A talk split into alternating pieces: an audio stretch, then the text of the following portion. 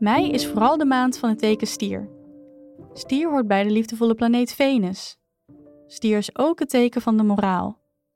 Daarom kan het zijn dat je deze maand een diepe afweging maakt en je geweten moet raadplegen om het goede te kunnen doen. Dat voelt als een heilig gegeven. De boodschap van de sterren is een serieuze. Je kunt in je directe omgeving betrokken raken bij een moreel dilemma rondom trauma, geboorte of sterven. Het kan ook gaan over een erfenis of een grote som geld van een ander. Misschien is er iemand die je in vertrouwen neemt en een geheim met je deelt. Het zou zomaar kunnen dat dit geheim je geweten begint te plagen. Moet je er iets mee doen? Kan dat zonder het vertrouwen van de ander te beschamen? Je komt er niet zo 1, 2, 3 uit. Erover praten kan al helemaal niet, vanwege het vertrouwelijke karakter. Wat misschien kan helpen is jezelf niet onder druk zetten om er iets mee te doen. Laat het maar even rusten.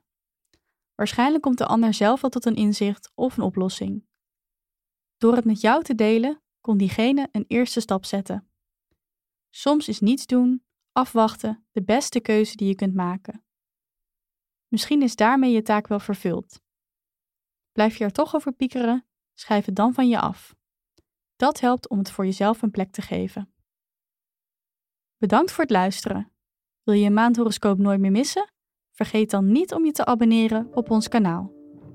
Liefs, happiness.